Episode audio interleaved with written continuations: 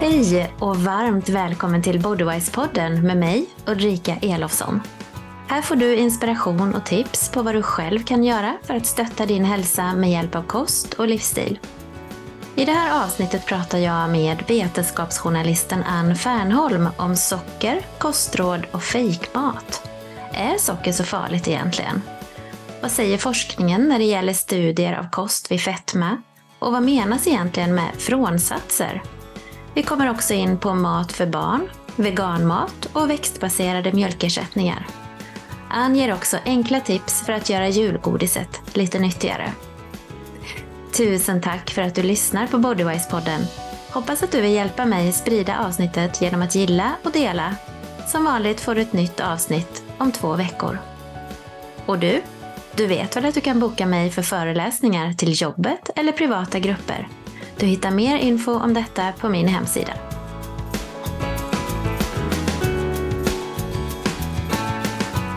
Hej och varmt välkommen till Bodywise-podden Ann. Tack ska du ha, tack. Du är ju vetenskapsjournalist och mm. doktor i molekylär bioteknik. Du har skrivit flera böcker om hälsoeffekterna av socker. Du håller webbkurser och föreläsningar. Du är medgrundare av Kostfonden som vi ska prata lite mer om senare. Och du har medverkat i tv och många olika poddar. Jag är så glad och tacksam att ha med dig här i Bodywise-podden. Tack för att jag får vara med. Eh, det är så här att du nagelfar ju verkligen det här området med kost och hälsa och du är ju en opinionsbildare av rang skulle jag vilja säga som verkligen tar upp kampen och står på barriärerna för oss konsumenter när det gäller maten och innehållet i maten. Och det här är ju vi så tacksamma för. Det krävs ju verkligen att vi konsumenter gör vår röst hörd och står upp för riktig mat i allt det här som vi omger oss med idag. Och lite nagel i ögat för dem. ja, men precis. Ja. och det kanske inte alla orkar vara, men du, du har ju tagit den rollen riktigt bra faktiskt. Tack så mycket. Eh, och eh, du skriver också brev till myndigheter och till livsmedelstillverkare för att försvara den riktiga maten. Och jag skulle vilja börja faktiskt med att läsa ett litet stycke från ett av de här breven som ju ofta är väldigt roliga. Och eh, det här är ett öppet brev till Kolmården och så här skriver du. Hej Kolmården! När vi vandrade runt i parken så dök en fråga i mitt huvud upp som jag har svårt att släppa. Varför gör ni en sån skillnad mellan människor och djur när det gäller maten? Kanske behöver girafferna också glass? Ja, här får ni förstå mig rätt, men stundvis kändes det som att ni nästan var lite missundsamma mot djuren. Överallt i parken så fanns det sötsaker som vi människor kunde fästa loss på, men inte en enda gång såg jag ett djur som ens fick den minsta lilla småkaka. Till exempel så erbjöd ni oss människor billiga bullar till kaffet, men ni ville inte att vi skulle mata djuren med dem. Om ni unnar oss att fika, då borde väl grisarna också kunna få lite? Ja, nu kanske ni uppfattar mig som en förespråkare för djurens rätt, men jag tyckte till exempel galet synd om girafferna. Utanför deras hage så svalkade sig mängder av barn med iskalla glassar från era kiosker, medan de stackars girafferna fick nöja sig med lite torra löv. Borde det inte vara girafferna som fick glassarna? För om våra barn tycker det är jobbigt att vara torra i halsen en varm sommardag, hur känns det inte då för en giraff? Det, där har inte hänt på länge. Ja. ja, alltså jag tycker det här är så underbart. Alltså nu har inte jag läst alla dina brev, men du får ju ofta svar och många gånger så har du också lyckats få till stånd en förändring. Vilket är? Ja, vi har anmält dem sen till, eh, jag har ju ofta skrivit till livsmedelsbolag. Då. Det var ju någon gång jag skrev till exempel om och frågade om skillnaden på naturgodis och vanligt godis. Och där fick jag tillståndändringen att de inte längre får kalla det står ju så här, har ju stått cashewyoghurt. Och då ska det vita höljet kring cashewnöten ha varit yoghurt, men det är ju vit choklad och det ska det stå numera.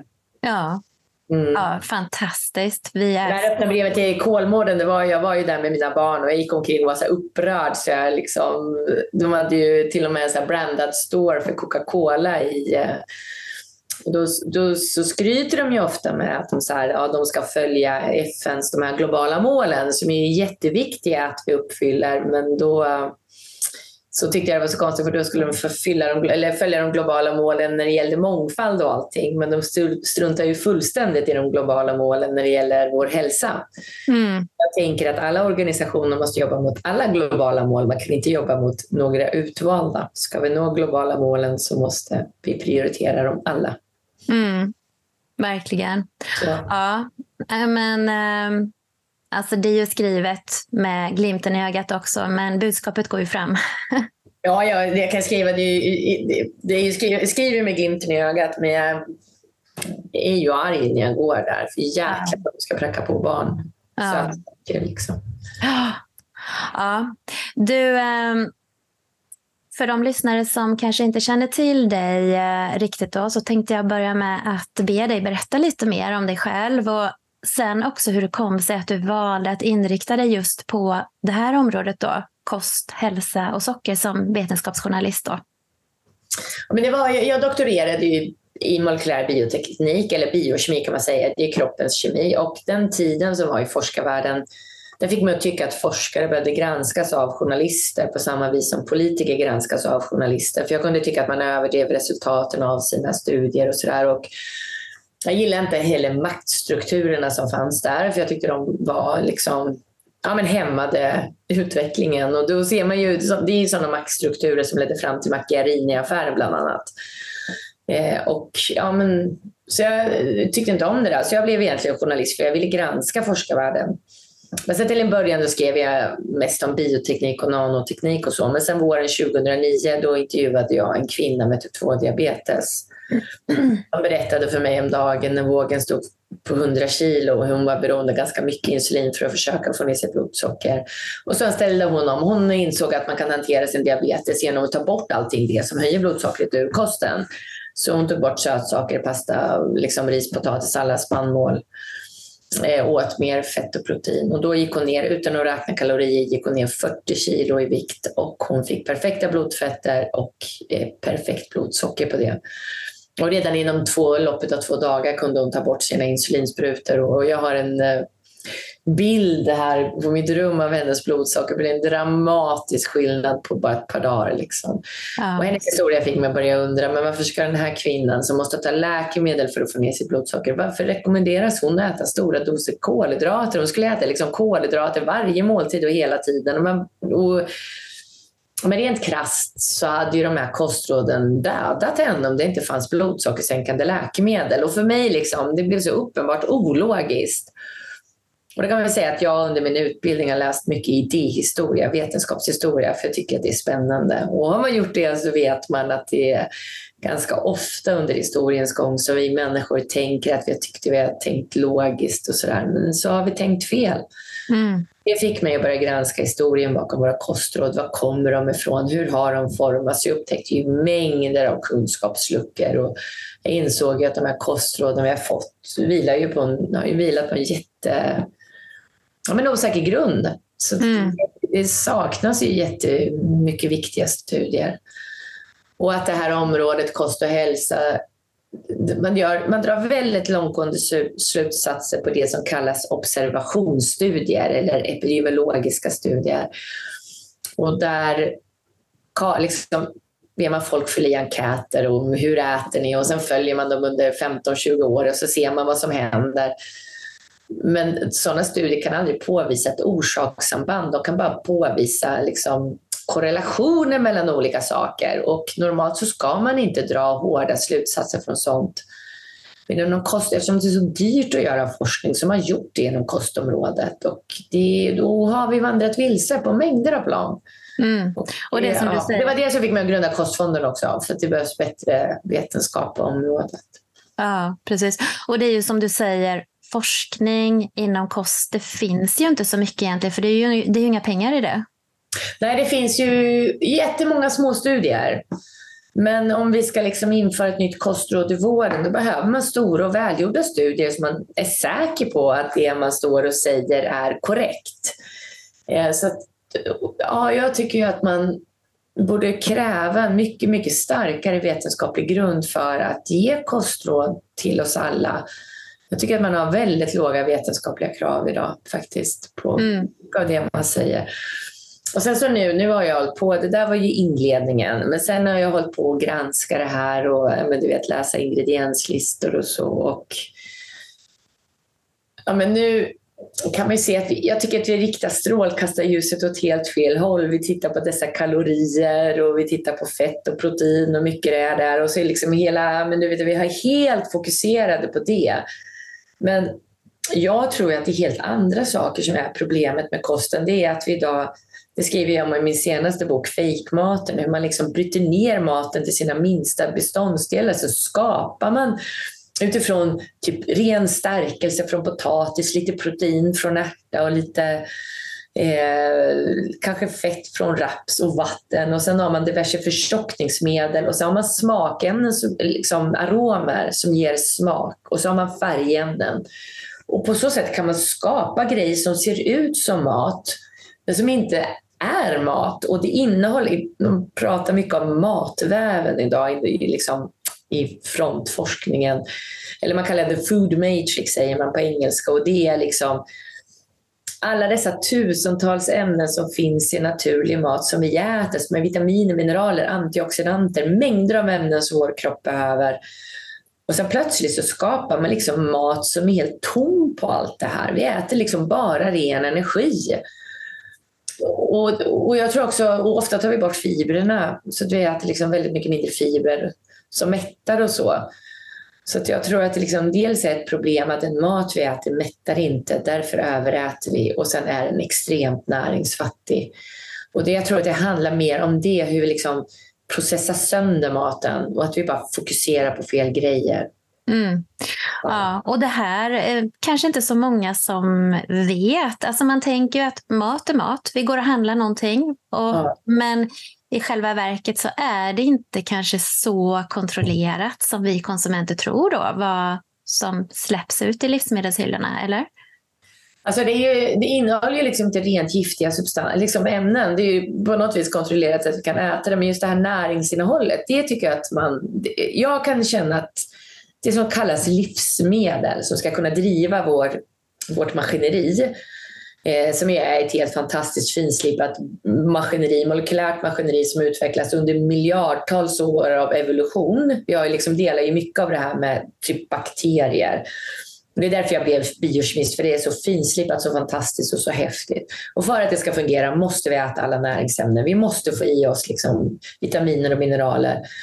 Och då tycker jag att det som kallas livsmedel borde innehålla en viss nivå av vitaminer och mineraler. Men det har man helt tappat idag. Det är, man kan göra en veganost, den är lika näringsfattig som godis. Och så tänker vi att vi ska kunna ersätta vanlig ost som är jättenäringsrikt med det här som är någon slags blandning av kokosolja och vatten och som får sin smak från aromer. Och kokosolja tänker man åh det är nyttigt, men det är faktiskt i princip helt fritt från näringsämnen. Så det finns ju många inom hälsorörelsen som förespråkar kokosolja som ett nyttigt fett.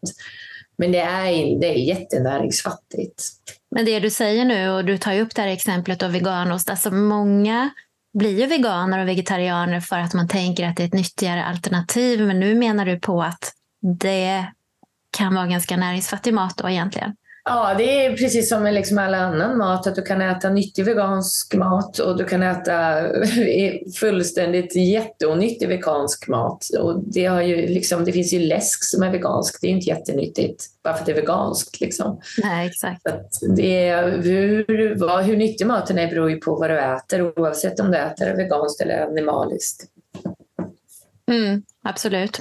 Och nu kommer du in på massa saker här. Du berättar lite här hur du kom in och intresserade dig för det här kostområdet. Och det, är ju, det tycker jag eh, var otroligt spännande att höra. Den här kvinnan som bara på några dagar då kunde förändra genom att förändra sin kost. Mm. Jag tänkte att vi ska prata lite mer om socker. Och jag har ju hört dig berätta om sockrets historia också, för den är ju inte så lång.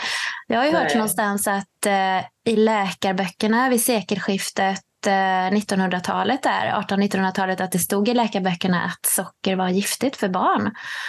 Och om man då tänker vad vi är liksom 120 år senare så har det ju skett en enorm förändring där. Berätta lite om eh, sockrets historia.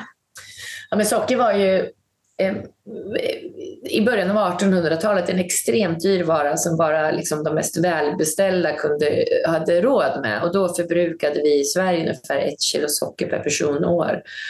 Men det som hände då var egentligen att Napoleon införde en handelsblockad mot Storbritannien, för det var ju när han ville erövra världen. Och det ledde till att man nere på den europeiska kontinenten inte fick tillgång till saker som importerades till Europa. För det var Storbritannien som hade mycket makten över världshandeln. Så då fick man inte tillgång till kryddor, och te och kaffe och, och inte heller socker. För på den tiden importerade vi det från Västindien. Men då började man experimentera med att få fram socker från andra källor och man lyckades få fram socker från sockerbetor. Och den här tekniken tog vi till oss jag menar, ganska snabbt. Vi ökade, vi började odla socker så i mitten av 1800-talet så förbrukade vi fyra kilo socker per person och år. Och det var ganska svårt att få ut sockret från sockerbetorna men sakta men säkert blev vi bättre på det. Så kan man se från mitten av 1800-talet till ungefär 1900, början av 1930 så ökar vi vår sockerkonsumtion ungefär tio gånger. Så den stora mm. ökningen ligger mellan, fram till 1930. Mm. Och då och då är faktiskt, då har det gått så långt med den här sockerproduktionen i Sverige så Svenska Sockerbolaget är Sveriges största bolag. Det står för 5% av vårt lands BNP. Och det som händer då är att börsen kraschar i New York, det är 1929. Då sjunker världsmarknadspriset på socker extremt fort. Liksom. Jag får mig att det halveras inom några månader. Och då är hela den här viktiga näringen som står för en stor del av Sveriges BNP och som sysselsätter mängder av människor, den är hotad. Och då genomför regeringen en utredning i sockerfrågan. Eh, som, eh, och då kommer de fram till att det är ett fantastiskt livsmedel. Det är näringstätt och liksom kan eh, så här, mätta en hungrande befolkning. Vi var ju fattiga då. Och sen så var det liksom bra för att konservera frukt och bär och det var lätt att lagra, det möglade inte och det var ju gott. Så då eh, så inför man en subvention av tillverkning av socker, i, av socker i Sverige och det blir liksom en statlig angelägenhet att vi äter mycket socker. Så under 30-talet då pumpar man ut propaganda och då handlar mycket av propagandan handlade om att få oss att, för innan var socker någonting vi åt när det var fest.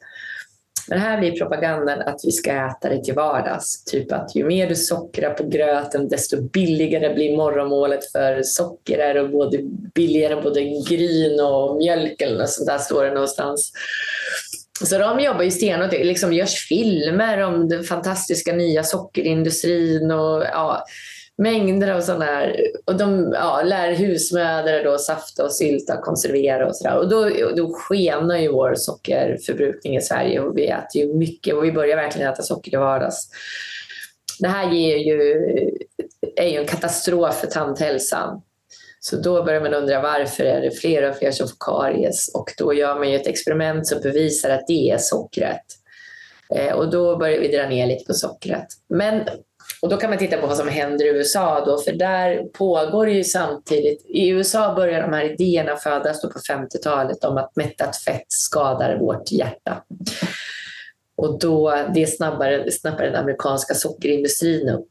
Eh, och de inser att om vi ska dra ner på mättat fett och fett så kan kolhydrater ta en större del av världsmarknaden. Och då kommer vi köpa mer socker. Så de börjar lobba för den här hypotesen för att vi ska äta mer socker. Mm. Det får ju genomslag. Liksom. Så på 70, början av 70-talet får vi kostråden att dra ner på fettet och öka socker. Mm. Men låg det någonting i det då? Liksom, vad grundar man det på att det, det mättade fettet skulle vara farligt? Ja, det var ju extremt lösa data. Var det ju. Med dagens mått mätt på vetenskapliga krav så var det ju väldigt låga krav. Eh, man såg liksom, men så här var det. Man hittade man såg att människor i början av 1900-talet då lyckades man ju liksom bota tuberkulos och många sådana sjukdomar. Och vi fick vacciner som gjorde att vi levde längre. Så då, då började vi dö av andra orsaker och en av dem var hjärtinfarkt. Då hittade man kolesterol på insidan av, av blodkärlen hos de som hade fått hjärtinfarkt. Och då såg man att om man åt mycket fett så påverkas kolesterolnivåerna i blodet. Och då trodde man att det var kolesterol var den direkta orsaken till hjärt-kärlsjukdom. Men jag vill säga att redan där och då fanns det forskare som, såg att, som trodde att det var socker som var problemet. För man kunde se att det här hjärt-kärlsjukdom och typ 2-diabetes var eh, kopplat till ett högt blodsocker också. Så det här kan man prata om jättelänge. Jag skriver mm. en del om det här i min senaste bok Fejkmaten om sockerlobbyingens historia, för den är ju intrikat. Liksom. Men de lyckades, sockerindustrin hade ju massa pengar, så de vann ju den kampen. Och då i början av 70-talet fick vi ju råden om att dra ner på fettet. Och då drog man ner på fettet i till exempel yoghurten och så hade man i socker istället. Så det ökade ju vår sockerkonsumtion. Mm. Så det gick, var jätte, jättehögt på 30-talet, gick ner när man insåg att det förstört tänderna. Sen så ökade det igen och sen toppade vi sockerförbrukningen i början av 2000-talet och då förbrukade vi ungefär 48 kilo socker per person och år. Oj. början av 1800-talet till början av 2000-talet har ju mänskligheten genomgått den största kostomställningen i vår historia sedan vi började odla spannmål. Ja, men precis. Ja.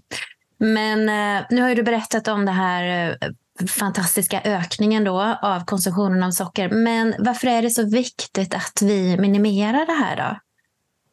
Ja, men det finns ju, jag ska säga fyra skäl till det. Det första skälet har vi ju vetat om då sedan 50-talet. Det ger karies och hål i tänderna. Vi kan borsta bort det problemet till viss del, men inte helt och hållet. Eh, och nu ser vi att karies ökar bland små barn igen. Och karies är faktiskt, eh, när vi har karies och tandproblem och så, så ser man ju att det kan läcka in bakterier i blodbanan och det är i sig en man tror att det är en orsak till varför dåliga tänder är kopplade till både Alzheimer och hjärt-kärlsjukdom. Så att ha dåliga tänder är en dålig idé faktiskt. Ibland tror jag att vi har ju sett ändå att vi lever längre och sådär och att vi har bättre tänder tror jag är en viktig del av det. Alltså, att mm. tänderna har blivit bättre. Mm. Men det är en orsak. Den andra orsaken är ju att man idag tror att socker kan bidra till fettlever som är en grund för typ 2-diabetes. Och då är det så att det vita sockret består av sockerarten glukos som ju finns i stärkelse också. Men sen innehåller socker också fruktos eh, som ju är, alltså vi kallar för fruktsocker. Men det finns inte bara i frukt utan det finns också i det tillsatta sockret. Och det, vi äter så otroligt mycket mer socker när vi dricker läsk och äter godis än om vi äter frukt. Så vi får i oss så enormt höga doser av fruktos. Och fruktos omsätts i vår lever. Det här vet man, det är biokemiskt etablerat. Och då kan man se att när vi äter ett överskott av kalorier, vilket vi ofta gör när vi äter stora påsar godis eller dricker läsk och så, eller äter mycket kakor, och vi äter samtidigt äter mycket socker, då drar det igång en fettbildning i levern. Och det här tror man nu är en orsak till varför fettlever ökar och varför liksom fettlever sprider sig bland barn. Eh, och det i sig är ju riktigt illa för det ökar risken då för typ 2-diabetes, hjärt-kärlsjukdom och hör och häpna så ökar det risken för levercancer 17 gånger. Mm. Och det är en frukt, det är liksom en riktigt dålig form av cancer. Så att, eh, och det här ser man ju ja, ökar i världen. Förut var ju liksom alkohol den största orsaken till fettlever. Men nu ser man att fettlever kopplat till bukfetterna är mycket vanligare. Och där mm. tror jag allt fler forskare att sockret är en viktig, viktig orsak till det. Och man kan se också i små studier där man bara direkt har tagit bort sockret då kan man se att mängden fett i levern går ner på bara några dagar. Så det fantastiska är att vår kropp verkar vara bra och, och liksom, eh, läka sig. Mm. Det är det andra skälet. Det tredje skälet är att socker mättar dåligt. Så ju mer socker vi äter, alltså, men I en påse gelégodis, 160 gram gelégodis, så är det lika mycket kalorier ungefär som jag har för mig två korvar och tre potatisar eller något. Och det blir, det blir det ju mätt på. Men en påse godis, jag personligen mår bara illa och sen blir jag nästan bara mer hungrig. Så kan man kan ju se att när vi äter mycket socker och annan ultraprocessad mat, då överäter vi lätt. För det går inte att gå omkring och vara hungrig. Det är, det är svårt liksom. Man måste äta mat som mättar. Och ja. den eh, tredje orsaken, vilka har jag nämnt nu då? Fjärde. Du sa... Nej, jag har nämnt fyra orsaker. Hål i tänderna, fettlever, mättar dåligt. Nej, det är en tredje fjärde orsak. Den kommer jag inte på nu. Nej, okej. Okay. För att nu pratar du om fettlever i relation till överkonsumtion av socker och sen så pratar ja. du också om eh, de här kostråden då som kom eh, eller när man såg det att eh, man fick en påverkan på kolesterolet och så också, så att vi skulle dra ner på fettet. Men här har man ju sett att det kanske istället är sockret som driver högt kolesterol. Ja, och där är det liksom, framförallt driver det, så här ska man säga, när vi äter mer fett, man säga, för på den tiden när den här hypotesen växte fram så mätte man bara totalnivåerna av kolesterol i blodet. Nu när man tittar på studier så ser man att det är framförallt det goda kolesterol som ökar när vi äter mer fett, vilket ju är en bra förändring. Äter mer fett och drar ner på snabba och dåliga kolhydrater. Liksom. Men nu ser man att när vi får den här fettbildningen i levern som man får om man äter väldigt mycket tillsatt socker, då formas ett fett som heter triglycerider. Och det är ett högt blodfett som man har kopplat också till hjärt-kärlsjukdom. Det är inte kolesterolet, men det är kopplat till hjärt-kärlsjukdom. När vi har en hög produktion av triglycerider i blodet, då kan man, det här blir lite tekniskt nu, men då kan man påverka de partiklar som bär runt kolesterol i blodet. Och då kan man se att den här höga produktionen av triglycerider i blodet det kommer resultera i att man får kolesterolpartiklar som är mindre och tätare och de är mycket starkare kopplat till hjärt-kärlsjukdom. Jag skriver om det här med boken Sötare blod om hälsoeffekten av ett sekel med socker och där får man en mer detaljerad förklaring. Men det är liksom, när man kartlägger kroppens biokemi så kan man verkligen se att eh, fettbildningen av fettbildning i levern och liksom, som då kan orsakas av tillsatt socker, den, den förklarar jättemånga av de symptom man har när man har den här farliga buk, bukfetman. Mm, precis. Så man kan säga att istället för att stirra sig blind på totalkolesterolet som många gör så behöver vi också titta på triglyceriderna, vi behöver titta på HDL och LDL och om man då har... Eh, HDL är då det goda kolesterolet ska vi säga och LDL är det, det som man kallar för det dåliga kolesterolet. Jag menar, det finns ju i kroppen för att det är livsnödvändigt. Vi har ju ingenting i kroppen som vi inte behöver. Men då är det de här små täta partiklarna framförallt som man har kopplat då till en risk för hjärt-kärlsjukdom. Och sen tål det verkligen att poängteras. Förut var det som att man hade en bild av att hjärt-kärlsjukdom utvecklades när kolesterol lades i lager på lager på lager i blodkärlen. Till slut blev det, blev det liksom stopp. Men eh, utvecklingen av så här åderförkalkning och sånt är ju en otroligt mycket mer komplex process. Eh, också där kroppens immunförsvar och en inflammation är involverad. Och den eh, kan man säga är ju enormt starkt kopplad till ett högt blodsocker. Så blodsocker driver ju den farliga inflammationen.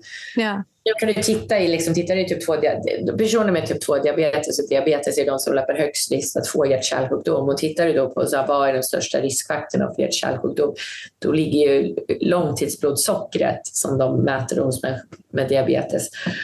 Det är en större riskfaktor för hjärt-kärlsjukdom än att ha ett högt ont kolesterol.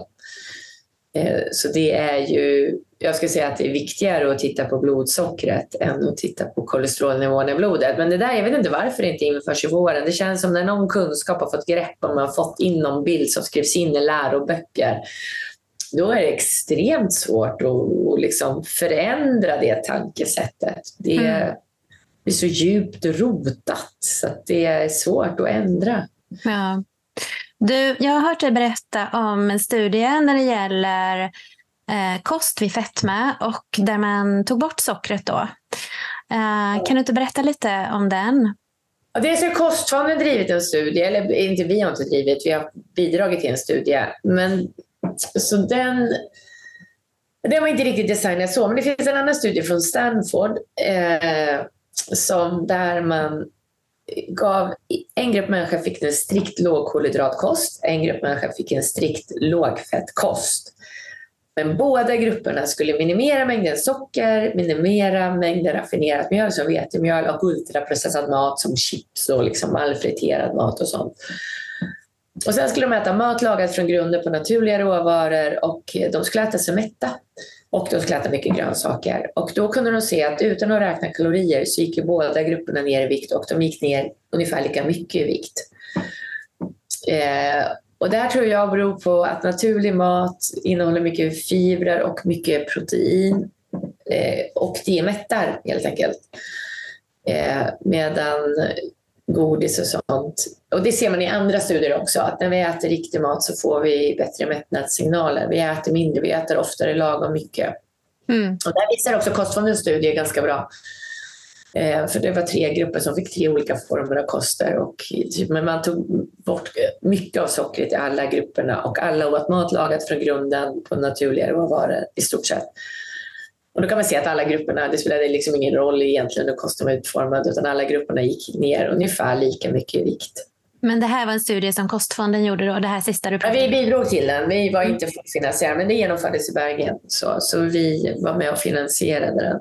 Mm. Och jag tror att det är där nyckeln ligger. Ät matlagad från grunden på naturliga råvaror och undvik till, liksom, tillsatt socker. Också juice och juicekoncentrat använder man ju för att söta med idag. Och juice har vi tänkt på som något nyttigt, men då sveper vi ju mängder av kalorier utan att bli så speciellt mätta. Eh, så vi ska minimera det och liksom minimera ultraprocessad mat. Mm. 50-90 procent av tiden. Sen finns det alltid att man kan äta lite annat, men det ska inte vara så mycket. Nej, men exakt. Det gäller väl att, att, ha, liksom, om du har en hälsosam kosthållning, precis som du säger i grunden, så mm. om man är frisk då, så kanske det finns utrymme för lite annat. Men mm. just det här lilla andra, för många är ju det basen. Och det kanske handlar om okunskap också. Vi vet inte riktigt vad vi ska äta.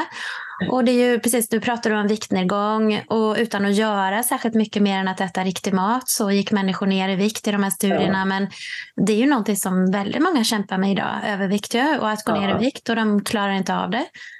Nej, då, och då ska de gå ner i vikt och sen ska man räkna kalorier och hungra. Och jag tror att det är liksom, men tittar man på kroppens biologi så kan man ju se att vi har ju mängder av hunger, liksom, hormoner som styr hunger och mättnad. Och det har vi ju för att evolutionen har ju inte överlåtit åt mm. oss att liksom, på någon slags att välja när vi ska äta. För att, äta är ju hela grunden för vår överlevnad. Så det är ju en jätteviktig biologisk drivkraft att äta när man blir hungrig. Och då kan man se också när vi utvecklar den här bukfettman som ju många har, då får vi en rubbad ämnesomsättning och en sån sak som blir rubbad det är mättnadssignalerna i hjärnan. Så det här är ett skäl till varför man kan äta utan att egentligen bli riktigt mätt. Men det kan man se, och där finns det hypoteser som säger, för man får väldigt högt insulin i kroppen när man då utvecklar bukfetma och att det höga insulinet då kan hämma våra mättnadssignaler tror vissa. Det är i alla fall någonting som gör att man överäter och det tycks eh, motverkas av att vi äter riktig mat. Och när man mm. tittar på vad som ger mest mättnad så är det mat med mycket fibrer i och mycket protein i. Så om man skulle känna igen sig i det här då att eh, man får inte riktigt de här mättnadssignalerna, man överäter lätt. Alltså du menar genom att byta ut maten man äter då till riktig mat med mer fibrer, kanske från grönsaker och bär och så här. Ja. Att då och mer protein gärna. Och det kan ju vara bönor och linser och baljväxter och sånt. Eller liksom kött eller fisk eller fågel. Så. Men, men det kan hjälpa många att känna mer mättnad. Mm. Du, nu har vi förstått då att socker ställer till med otroligt mycket i våra kroppar. Om man då vill dra ner på det och undvika det, är det bättre då att använda sötningsmedel till exempel? Eh, jag säger nog forskningen. Eh, att eh, det finns forskning som visar att när du använder sötningsmedel, liksom, eller det här tror jag är forskning på läsk, så använder du läsk med sötningsmedel så kan du lättare gå ner i vikt än sockersötad läsk. Men eh, Alltså jag tänker att vi ska röra oss bort från det här söta smakspektrumet för det har vi aldrig haft tidigare under vår evolution och nu när jag har gjort det personligen så tycker jag att det liksom finns så mycket annat härligt att äta. Och liksom, när man rör sig bort från socker så blir det inte lika viktigt i ens liv. Liksom. Det, jag, tycker, jag kan inte ens förstå att jag tyckte allt det här söta var gott längre. Jag tycker att det är en ganska endimensionell och tråkig smak nu. Jag gillar mycket mer härligt kryddad mat. Liksom. Men hur länge sedan var det du förändrade din kost? Ja, det är ju över tio år sedan. Sen så äter jag tillsatt socker. Jag kan äta lite godis ibland, men det är ju väldigt sällan. Jag, alltså, mängderna är ju så mycket mindre än förr i tiden. Mm. Eh, ja. Men eh, det jag skulle säga med det här med sötningsmedel är ju att man har upptäckt att inte, alltså sötningsmedel finns ju många olika former av sötningsmedel, men vissa av dem är ju helt onaturliga ämnen, som acetylsulfam K och, eh, och vad heter de då? Acetylsulfam K och sukralos till exempel. Och nu har man börjat se att de kan ha en påverkan på tarmfloran. Och vad det betyder, om det spelar någon roll eller inte, det är det ingen som vet. Man vet ju att tarmfloran är viktig för oss. Och det här är ju, alla sötningsmedel är ju tillsatser som har ett E-nummer. Och de har ju fått ett godkännande att användas för att de inte ska vara viktiga. Men det kan man se att när man har testat dem, så har man testat om de liksom kan ge cancer och sånt, så man är säker på att de inte gör det. Men man har missat att testa effekten på tarmfloran för man har tänkt att det som går rakt genom kroppen är ofarligt för oss. Så det är ju en stor miss som man har gjort. Liksom. Men det börjar man titta på nu. Mm. Och det är ju lite konstigt för det som går rakt igenom kroppen på oss, det är ju maten också. Den går ju rakt igenom kroppen egentligen och det har ju en jättestor påverkan på vår hälsa. Ja, ja, ja absolut. Ja, det, det har du rätt i. Men jag tror de här toxikologiska testerna de utvecklades innan vi började snacka så mycket tarmflora och annat. Liksom. Ja, precis. Du, du kom ju in för, på det här lite nu eh, ett väldigt känsligt ämne och det är ju livsmedel kopplat till cancer. Ehm, det är väldigt laddat och känsligt och eh, kan du inte berätta lite mer om det här? Eh, ja, livsmedel. Alltså, det jag eh, tycker tycker är jobbigt, eller eh, tycker man skulle behöva uppmärksamma mer, det är ju att bukfetma är den största riskfaktorn för cancer efter rökning. Det ökar risken för en hel rad olika cancerformer. Som, liksom, och alla våra stora cancerformer som bröstcancer och tjocktarmscancer och eh, aggressiv prostatacancer har man kopplat bukfetma till. Eh, så, och, och, varför är det så då? Är det liksom fettet i sig som är farligt som har i kroppen? Nej, utan en, det finns ju flera orsaker så, såklart, men en av de mest liksom uppmärksammade mekanismerna det är att när du har bukfetma då har, får du högt insulin i kroppen när du äter kolhydrater. Så om en frisk människa äter kolhydrater så kan det liksom räcka att insulinet går upp lite och då signalerar insulinet till musklerna att ta hand om allt det socker som går ut i blodet. Men För varje gång vi äter kolhydrater då får vi en insulinutsöndring. Det är ja. kroppens sätt att uh, sänka nivåerna. Ja, precis. Men om du har bukfetma, då reagerar inte kroppen som den ska på insulin. Så då kan du få tio gånger mer nästan insulin i blodet, eller kanske åtta gånger mer insulin i blodet. Men väldigt mycket mer insulin i blodet. För kroppen liksom reagerar inte på hormonet, så bukspottkörteln fortsätter att producera mer och mer och mer insulin. Problemet med det är att insulin också är en tillväxtfaktor i kroppen. En ganska stark tillväxtfaktor i kroppen. Så när man ser till exempel i tonåren när man växer jättemycket, då har man mer insulin i kroppen. När du blir gravid har du mer insulin i kroppen för att du ska växa. Eller för att fostret ska växa. Eh, och nu har vi på ett onaturligt vis mer insulin, äh, mer insulin i kroppen och då är det en tillväxtfaktor. Och det här tror man är en orsak till varför bukfetma är så farligt. För uppstår hela tiden sjuka celler i vår kropp som har potential att utvecklas till cancerceller. De ska ju immunförsvaret ta hand om och liksom ta bort. Eh, men om du då har en kropp med starka tillväxtsignaler i, vilket du har om du har högt insulin i kroppen, då, då ökar risken att den där cellen börjar växa och dela på sig. Och du kan väldigt tydligt se att människor som eh, har bukfetma har ju ofta en aggressivare form av cancer. De har mer snabbare cancertillväxt, det är ett snabbare förlopp av sjukdomen. Och det här tänker jag då att eh, det här är ju en grej som jag hoppas att någon ska utvärdera. Eh, och det är ju att om du då äter en kost som sänker insulinet, kan du då hjälpa all den här konventionella cancerbehandlingen att få övertaget så att du verkligen slår ut cancern? Kan kosten spela roll där? Det finns mycket som talar för att det skulle kunna göra det. Men det görs ingen forskning på det här för cancerläkare. De, de ser liksom inte miljön runt cancercellen utan de är helt fokuserade på kemin i cancercellen och i tumören. Så de kan titta på så, vilka genetiska mutationer finns där, hur har liksom miljön i tumören förändrats, vilka immunceller finns det? De kartlägger det där på en extremt detaljerad molekylär nivå. Men de missar liksom hela det här andra runt omkring tumören som är att vi har en massa hormonella rubbningar som faktiskt kan driva tumörer att växa. Och det, ja. Mm. Ja, vi får hoppas att det kommer mer eh, forskning då. Det är kanske är någonting för kostfonden. Ja, det är en dröm jag har. Precis. Vi, ska, vi skulle verkligen behöva bli fler månadsgivare för vi eh, ja, men ju mer pengar man har, desto mer kan man locka forskare och jobba med någonting. Så vi kan ju ha ju väldigt svårt att finansiera egna studier, utan i dagsläget så kan ju vi fungera som medfinansiär och stötta forskare. Vi kan stötta forskare och söka pengar och liksom, vi kan hjälpa forskare på många sätt. Men hade vi lite mer pengar så skulle det ju vara väldigt mycket lättare att eh, driva välgjorda studier för det behövs verkligen. Mm. Men berätta lite mer, nu pratar vi, kommer vi in på kostfonden här. Berätta lite mer om arbetet och hur man kan stötta om man vill. Ja, eh, ja men vi finansierar då välgjorda studier eh, som ska vara så välgjorda så att de kan ligga som vetenskaplig grund för nya rekommendationer i vården. Eh, och vi har tittat på kost-, mag och tarmsmärtor av en studie som har gått i mål som ska publiceras alldeles strax. Men då visar ju den... Mag och tarmsmärtor är ju, kan ju vara man tycker, ja, lite ont i magen, tänker folk. Men det här handlar om en människa som är sjukskrivna liksom flera gånger i månaden som har fruktansvärda tarmsmärtor och kanske också har jätteproblem med magen så att man måste, liksom, kan knappt gå ut utan att veta vart närmsta toalett finns.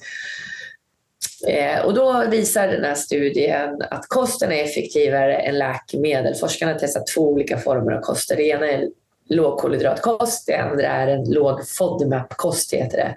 det handlar om att man tar bort vissa fibrer och vissa i urmaten. Och båda de är bättre än läkemedel, så där blir 75 bättre eller bra.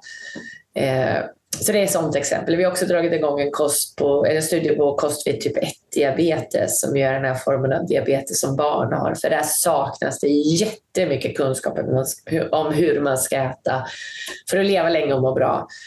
Eh, och, eh, och så har vi tittat på det här som du nämnde förut, kost vid fetma har vi en studie och nu senast har vi satsat på kost vid typ 2-diabetes.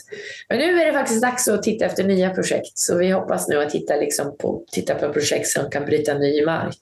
Mm. Spännande. Där kan man stötta genom att, eh, ja, att bli månadsgivare eller bli företagsvän som ju du har blivit nu också kan man säga. Det är helt fantastiskt. Mm. Då kan man gå in på Ja, Kostfonden.se. Kostfonden.se. Ja, vad bra. Jag var på välgörenhetsevent en gång och då var det en som önskade sig pengar till kost, eller födelsedags, eh, stor födelsedagsfest. Han ville ha pengar till Kostfonden. Och då var det någon som hade läst Konstfonden. då blev de glada. ja, om den finns det vet jag inte. Mm. Men eh, vi var ju inne lite på det här, för du har ju skrivit en bok som heter Fejkmaten. Ja. Och eh, du pratar ju mycket om det här med fejkmat och frånsatser och ultraprocessad mat. Vi har ju varit inne lite på det redan. frånsatser är ju mitt nya ord för ja, all den näring som försvinner ur maten. Ja, men kan du berätta lite mer om det här med fejkmat och frånsatser? Ja, men det var ju det jag sa, att man skapar liksom mat från, utifrån liksom, lite stärkelse och lite protein från ärta och sådär. Att man skapar helt konstgjord mat idag.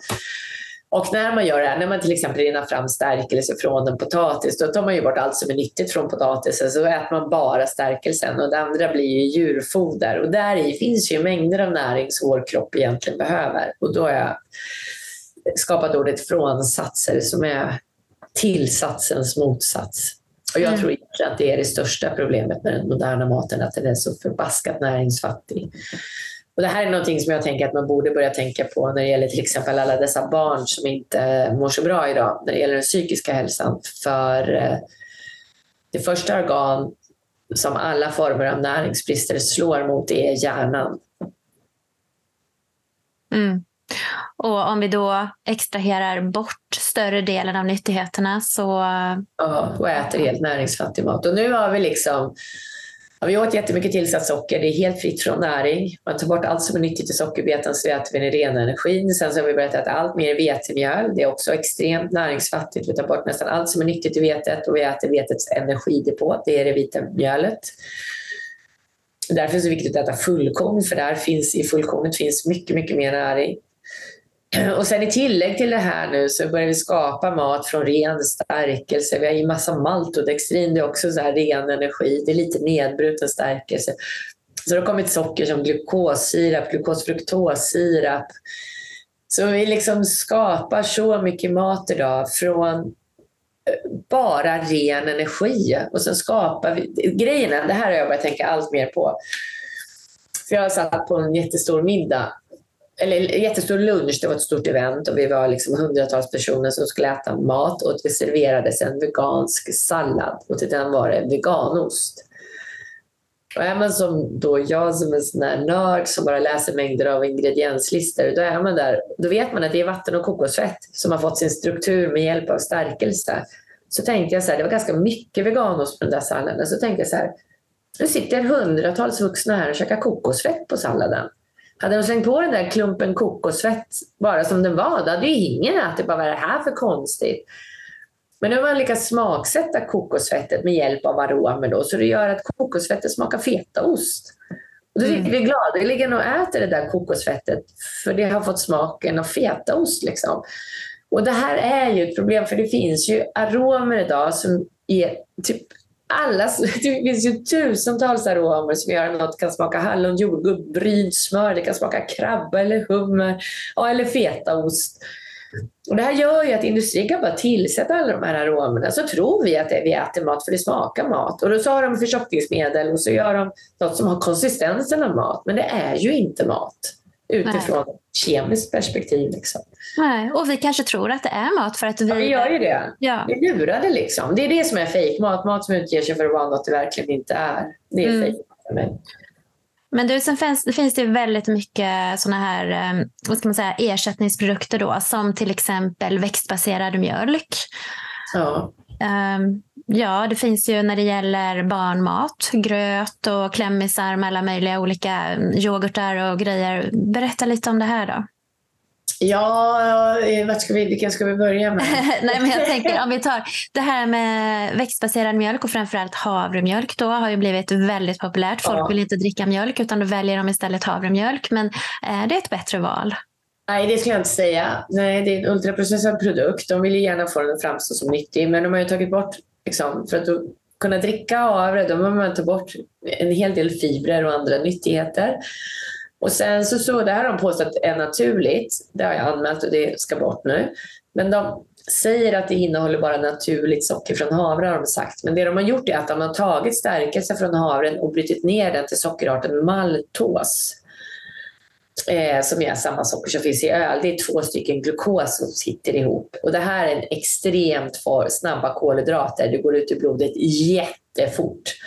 Så det är lite som att tänka att typ öl är nyttigt, det gör vi ju inte. Mm. Men här så... så eh, men det tycker jag, det är liksom, konsumenten vet inte om det. De har varit jätteduktiga på att få havredryck att framstå som nyttigt.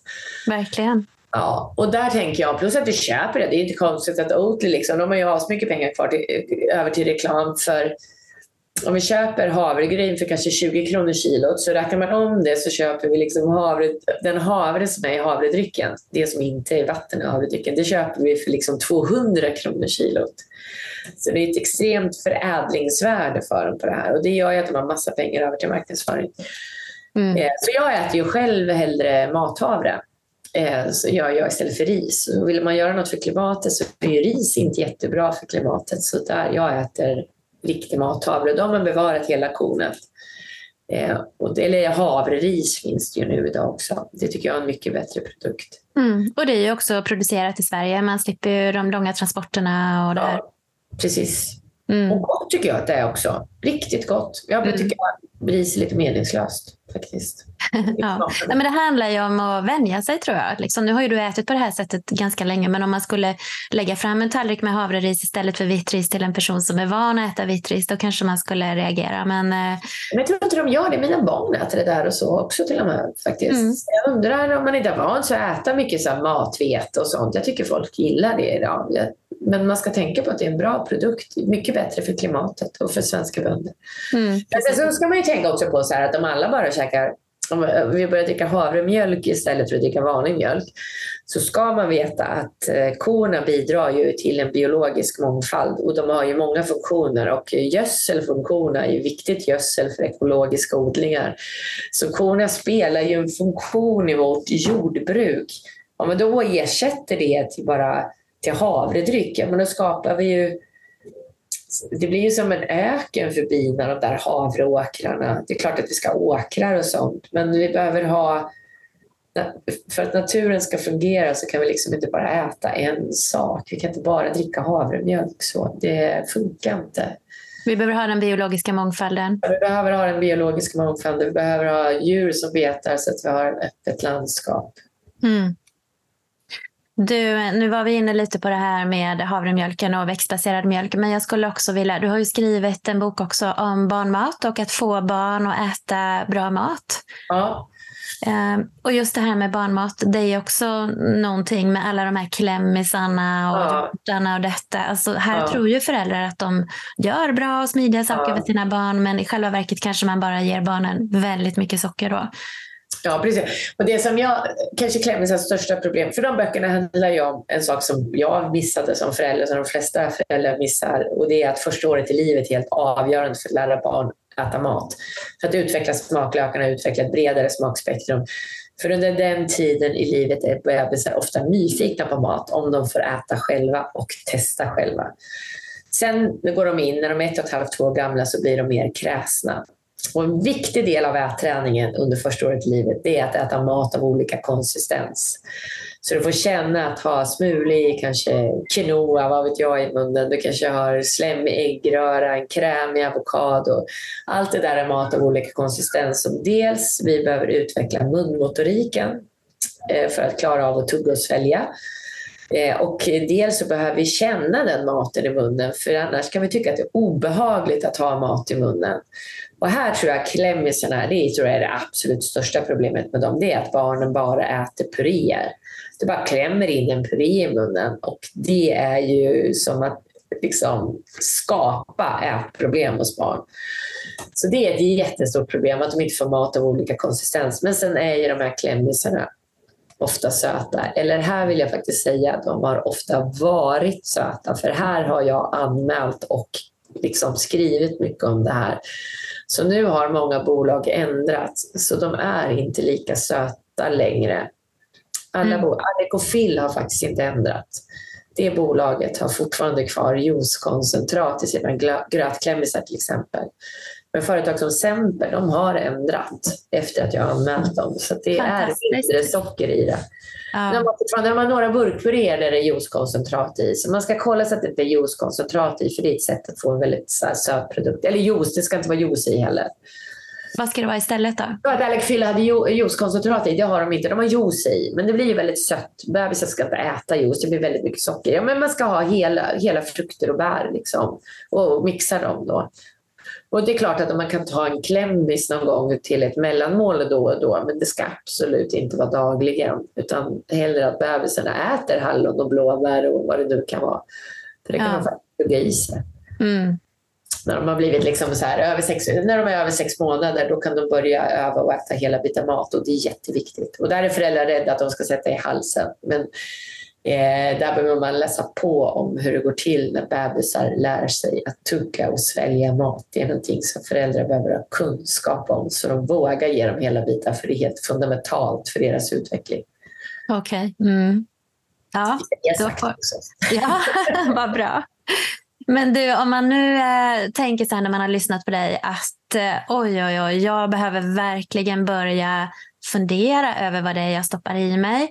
Då har ju ni också utvecklat en app som ja. ska underlätta för det här med eh, tillsatt socker och så. Ja, Matchecken heter den. Ja, ja, Det är en app som man kan ladda ner från App Store eller Google Play. Och Sen kan man testa den lite gratis. Sen kostar den som en kopp kaffe på stan per månad. Det är för att det har kostat jättemycket att utveckla den så vi måste tyvärr ta betalt. Jag hade älskat att bara kunna ge bort den. För ge folk. Men man skannar streckkoden på en vara och sen kan man få en uppskattning av mängden tillsatt socker i maten. Och Den kan också hjälpa en att skilja på e- tillsatser med E-nummer Mängder av dem är bara naturliga, det är inget problem att äta dem, tänker jag. Liksom. Men däremot finns det några som är onaturliga och det finns en del frågetecken kring dem. Och då kan man eh, slå på filter för det i appen, så kan appen varna för det också. Och numera kan den också varna för palmolja och, eh, ja, och allergener och eh, saker som kan ha intoleranser mot. Mm, det låter helt fantastiskt. Så ja. matchecken om man då vill äta en renare mat utan socker och skadliga tillsatser och sådär då? Ja. Mm. Och det var ju också något väldigt lätt system med olika färger och sådär. Du ser direkt. Ja, precis. Den svarar med en färg så att det är liksom under 5 energiprocent tillsatt socker, fem, mindre än 5 procent av alla kalorier kommer från tillsatt socker, då blir den grön. 5-10 procent, då blir det gult. Det är också helt okej okay att äta. Men sen över 10 procent, 10-35 procent, då blir det rött och över 35 procent blir det svart. Det finns ju vissa yoghurtar som blir svarta då, som innehåller extrema mängder tillsatt socker, men förpackningen ser jättenyttig ut. Ja. Det tror jag folk inte riktigt har koll på. Man ska inte lita på en förpackning. Man ska alltid läsa ingredienslistan och se vad det är man faktiskt köper. Eller använda matchecken. Det kan ge ett bättre hugg. Mm. Ja, jättebra tips. Du, nu har vi pratat jättemycket om socker och tillsatser och allt sånt där och nu stundar ju julen och det är ju faktiskt en sån här riktig ätarhögtid och där många um, ja, det blir att vi äter mycket socker och sådär. Vad har du för tips till folk här nu inför julen? Ja, men först och främst vill jag säga njut av julmaten, för det är ofta riktigt bra mat. Liksom. Mycket nyttigheter i den. Eh, så det är det första. Njut av maten, men sen kanske man, om man då inte vill, alltså det är jättemånga som går upp i vikt över jul och vill man inte göra det då är det ju smart att kanske dra ner på sötsakerna och mängden julmust man dricker. Men som jag jobbar hemma till exempel när jag, vi bakar pepparkakor inför jul, då halverar vi mängden socker i pepparkakorna. Sen så maxar jag mängden kryddning för då blir de ändå väldigt goda. Så då har jag ofta mal jag kardemumma och nejlika eh, från, början, från grund. Alltså att jag mal hela kryddor för det smakar väldigt mycket mer då. Sen så brukar jag ofta byta ut ungefär, ungefär en fjärdedel av vetemjölet till mandelmjöl för det är väldigt gott i pepparkakor. Och, sen så, och nu har jag insett att det kanske inte är det bästa för så miljön och så, så i år tror jag att jag ska testa bovetemjöl och se om det funkar.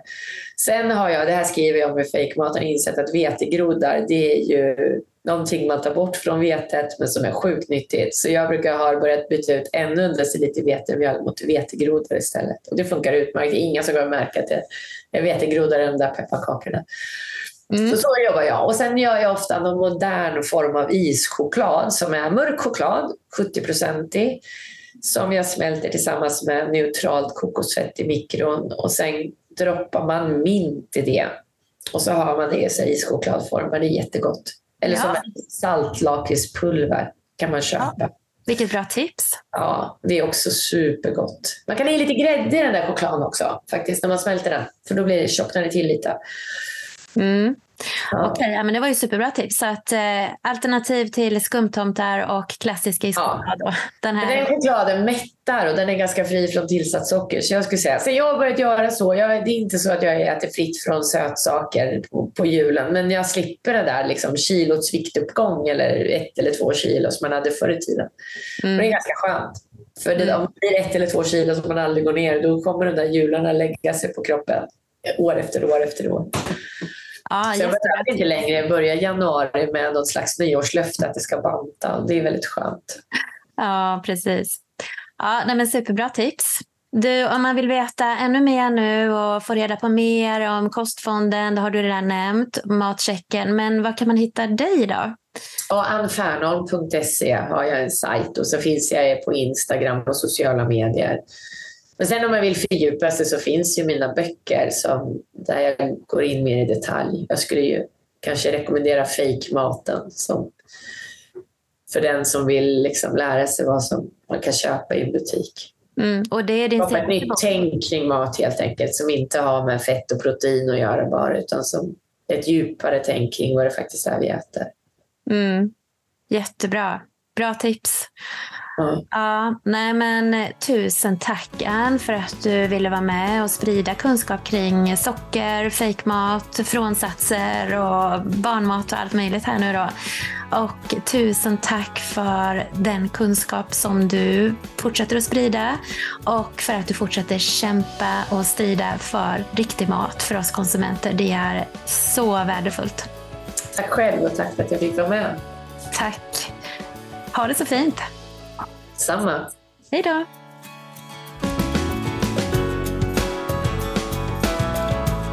Du har lyssnat på Bodywise-podden med mig Ulrika Elofsson. Dagens gäst var vetenskapsjournalisten Ann Fernholm och vi pratade om allt som har med socker, kostråd och fejkmat att göra. Hoppas du uppskattade avsnittet. Tusen tack för att du lyssnar på Bodywise-podden. Vill du höra fler intervjuer som denna? Kom ihåg att prenumerera på podden i Spotify eller Podcaster eller via min hemsida bodywise.se. Där kan du också läsa mer om mig och mina tjänster. Ha en fin dag så hörs vi snart igen.